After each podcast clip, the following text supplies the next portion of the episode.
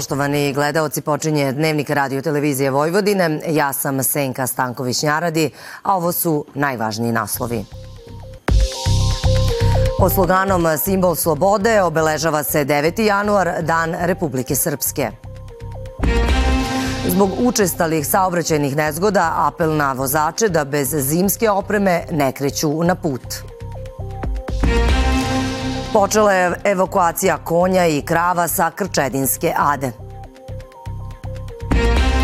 Vaterpolisti Srbije večeras igraju sa Maltom na Evropskom prvenstvu. I sutra ledeni dan u Srbiji, najviša temperatura 1 stepen.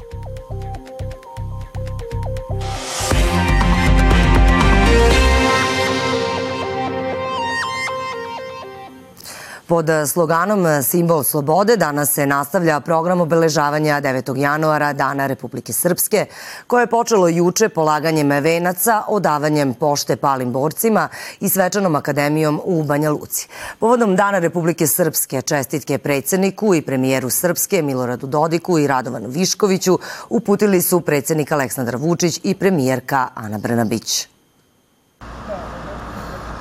Obeležavanje 9. januara Dana Republike Srpske jutros je počelo svetom arhijereskom liturgijom koju je u sabornom hramu Hrista Spasitelja u Banja Luci služio patrijar Srpski Porfirije.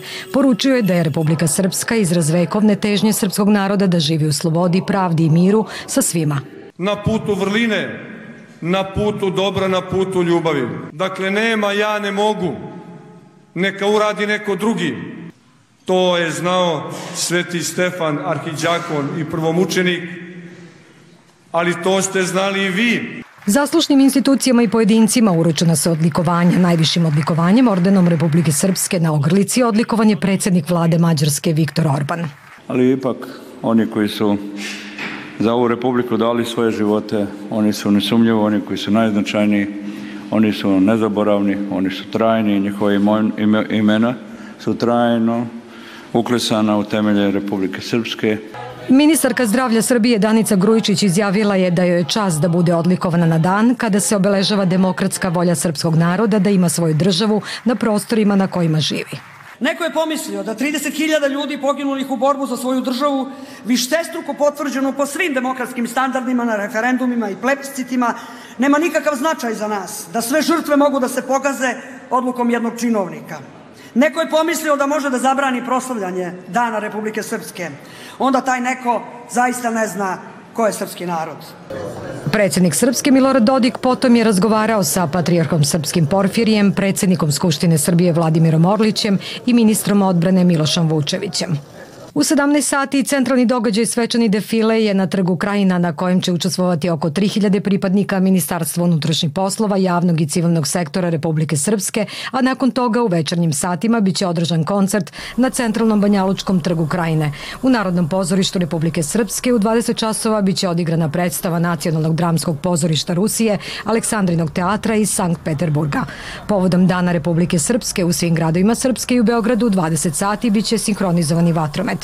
9. januar se slavi kao Dan Republike Srpske jer je tog datuma 1992. godine nastala pod prvobitnim nazivom Republika Srpskog naroda u Bosni i Hercegovini. Srpsku su osnovali srpski poslanici u tadašnjoj Skupštini Bosne i Hercegovine nakon što su preglasani u ključnim pitanjima o opstanku Jugoslavije, a pripadnici druga dva naroda krenuli u secesiju mimo volje Srba koji su imali status konstitutivnog naroda. Izraelska borba protiv Hamasa u pojasu Gaze prešla je u novu fazu. Istovremeno Hezbolah je u napadu dronovima pogodio severnu komandu Izraela, navodeći da je to odgovor na nedavno ubistva u Libanu u kojima su ubijena tri Hezbolahova borca. Američki državni sekretar tokom svoje bliskoistočne mirovne turneje sastao se sa najvišim izraelskim zvaničnicima, a najvažnija tema je obuzdavanje sukoba u Gazi, povratak svih talaca i preduzimanje hitnih mera mera kako bi se povećala pomoć toj palestinskoj enklavi. U četvrtu posetu Tel Avivu od početka rata američki diplomata stigao je nakon razgovora sa brojnim arapskim liderima. Tokom susreta sa predsednikom Hercogom, Blinken je izjavio da Sjedinjene države cene njegovo vođstvo u ovim krajnje izazovnim vremenima za Izrael, navodeći da je potrebno učiniti sve da se 7. oktobar više nikada ne ponovi. Kaže da vidi šansu za regionalno povezivanje nakon što se sukob u Gazi završi i da šansa da arapski susedi prihvate Izrael nije izgubljena, ali samo ako Izrael pristane na formiranje održive palestinske države. Znam za vaše napore tokom mnogo godina da izgradite mnogo veću povezanost i integraciju na Bliskom istoku i mislim da tamo zapravo postoje stvarne mogućnosti. Uz zahvalnost Blinkenu na snažnoj podršci i posvećenosti Vašingtona, bezbednosti Izraela i njegovim naporima da pobedi u ratu protiv Hamasa, predsjednik je osudio Južnoafričku republiku zbog pokretanja tužbe pred Međunarodnim sudom pravde za navodno počinjen genocid na palestincima u Gazi. Ne postoji ništa užasnije i besmislenije od takvih tvrdnji. Zapravo, naš neprijatelj je Hamas koji u svojoj povelji poziva na uništenje države Izrael. Konvenciju protiv genocida donela je međunarodna zajednica nakon najgorih zločina čovečanstva, kao što je holokaust. A sada, zbog licemerja Južne Afrike, mi ćemo se naći pred tim sudom i ponosno izložiti naš slučaj prava na samoodbranu, a u skladu sa međunarodnim humanitarnim pravom. Državni sekretar razgovarao je i sa premijerom Netanjahuom i ministrom odbrane Galantom. Blinkenovi sastanci širom regiona u fokusu stavili pokušaj pronalaženja modela za dugoročni pristup višedecenijskom izraelsko-palestinskom sukobu, koji bi doveo do rešenja za okončanje sukoba u Gazi. Njegova poseta usledila je u danima kada je izraelska vojska protiv Hamasa u Gazi prešla u novu fazu, uključujući i širenje operacija u centralnom i južnom delu enklave, pre svega u Kan Junisu gde je juče, kako navodi IDF, eliminisan oko 40 Hamasovih operativaca i otkrivena najveća podzemna radionica za proizvodnju oružja, pre svega raketa dugog dometa, koje bi mogle da pogode ciljeve čak i na severu Izraela.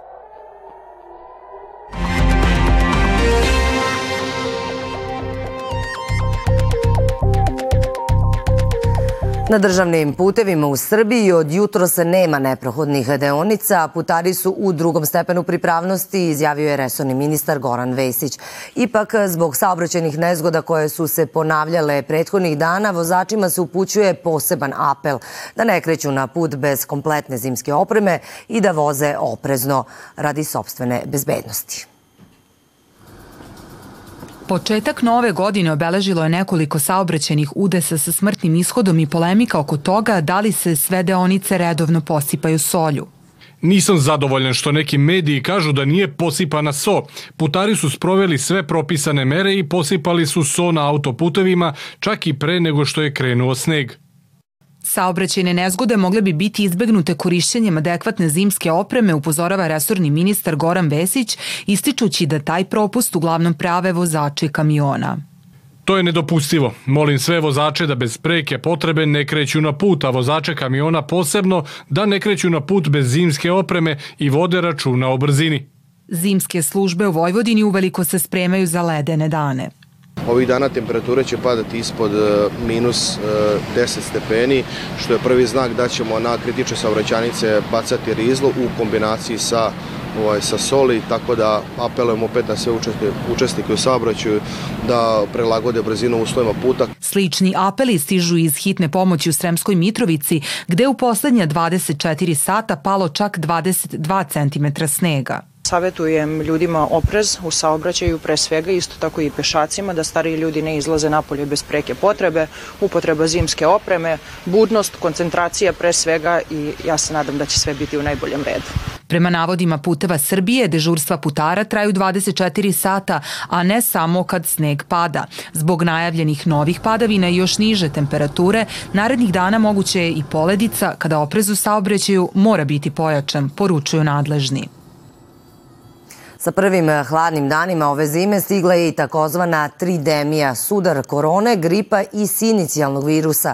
U pedijatrijskim ambulantama se registruje sve veći broj dece koja su inficirana sa sva tri virusa. Budući da se đaci uskoro vraćaju sa zimskog raspusta, postoji bojazan da će broj obolelih biti udvostručen. Vrh epidemijskog talasa očekuje se tokom januara, poručuju epidemiolozi. Proslove tokom novogodišnjih praznika u kojima je malo ko vodio računa o preventivnim merama, čini se da su došle na naplatu. Sa prvim snegom u Srbiji je stigla i takozvana tridemija, odnosno sudar gripa, korone i respiratornog sinicijalnog virusa, zbog koje su čekonice domova zdravlja danima prepune.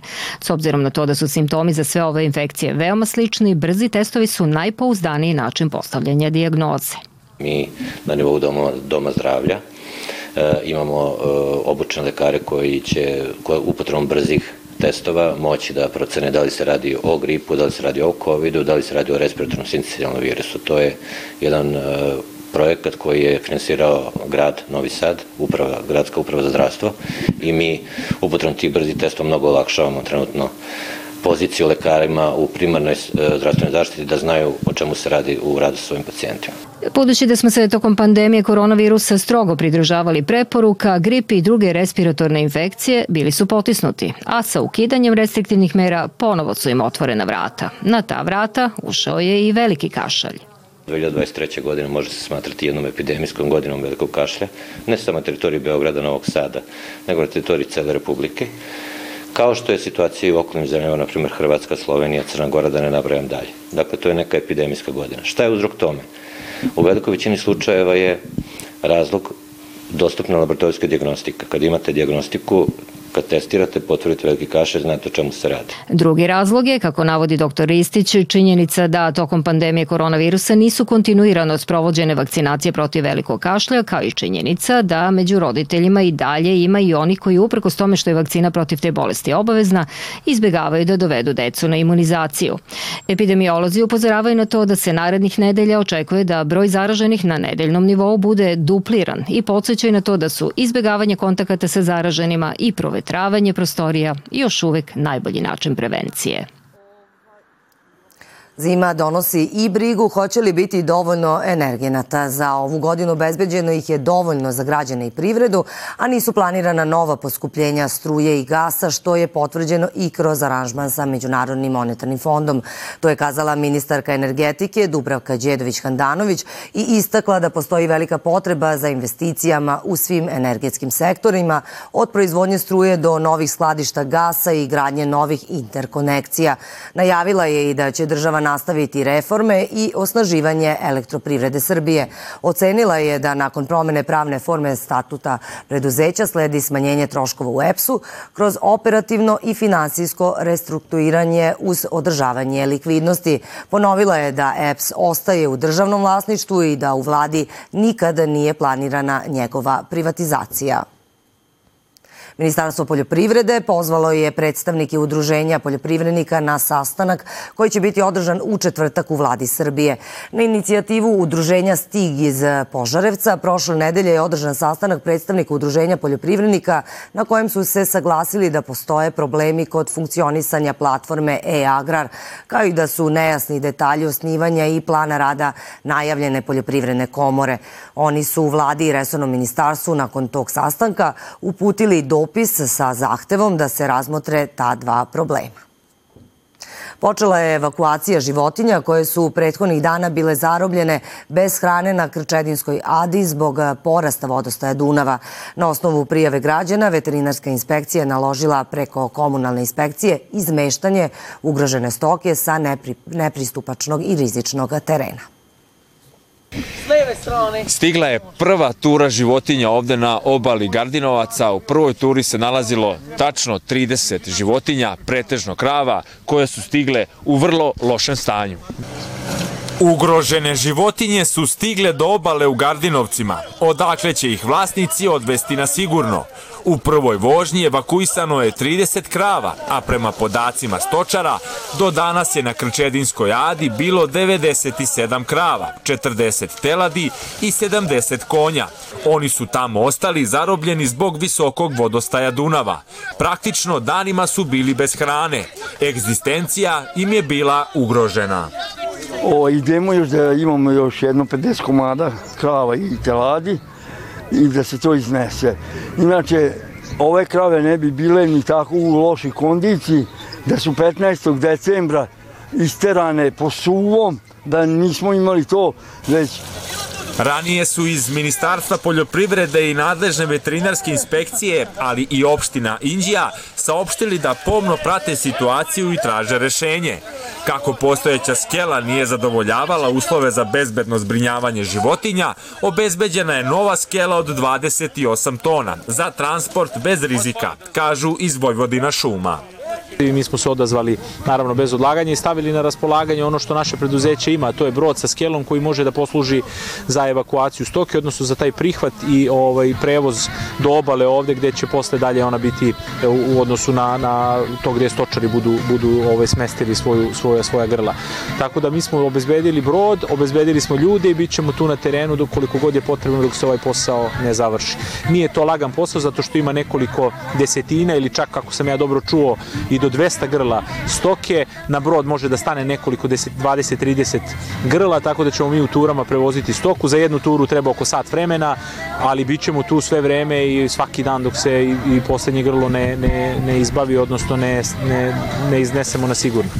Inače, Krčedinska Ada, koja teritorijalno pripada opštini Inđija, prirodno je rečno ostrvo, netaknuta priroda gde u potpunoj slobodi na 800 hektara žive konji, goveda, magarci i druge životinje. Prema statusu ugroženosti, podolsko goveče koje se još tamo uzgaja u Republici Srbiji ubraja u grupu ugroženo održive rase.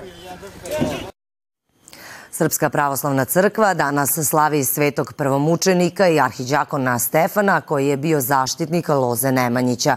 Sveti Stefan je i jedno od rasprostranjenijih slava, a svetkuje se trećeg dana Božića. Sveti Stefan se naziva arhiđakonom jer je bio prvi od sedam đakona koje su sveti apostoli postavili na službu oko pomaganja sirotinji u Jerusalimu. Mošti svetog prvomučenika Stefana pronađene su blizu Jerusalima 415 2015. godine.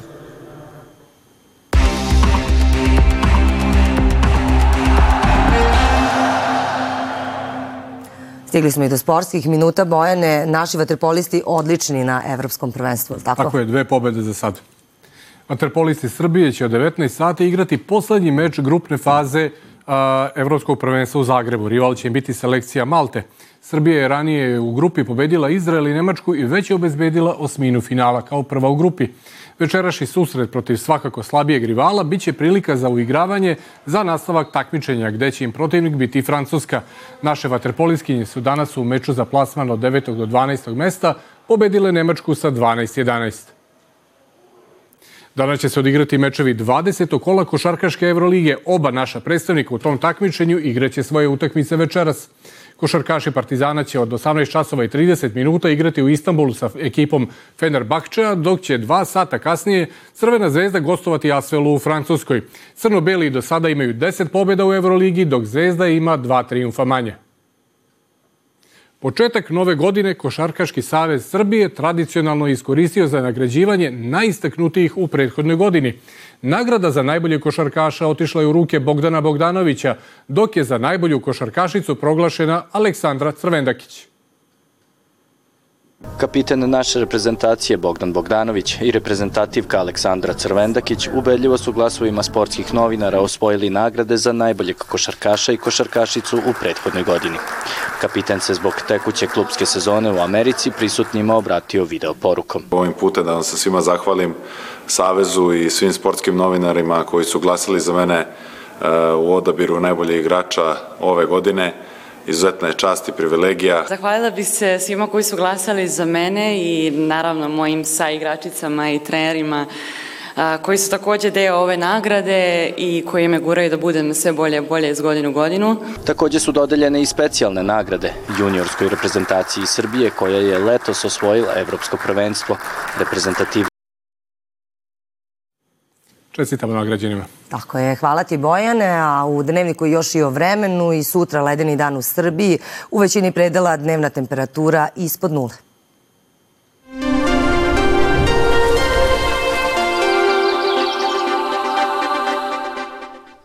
Nakon jutarnjeg mraza dan će obeležiti umereno oblačno vreme sa sunčanim periodima. Jutarnja temperatura od minus 12 do minus 5 stepeni, a najviša dnevna 1 stepen. Uveče suvo sa mrazem. U četvrtak ostaje hladno sa sunčanim periodima, ponegde sa maglom. Dnevna temperatura od minus 4 do 2 stepena. U petak i subotu promenljivo oblačno uz pokoju pahulju snega. U nedelju suvo sa sunčanim periodima. Naredne sedmice postepeni porast temperature. Gledali ste Dnevnika Radio Televizije Vojvodine. Hvala vam na pažnji i doviđenja.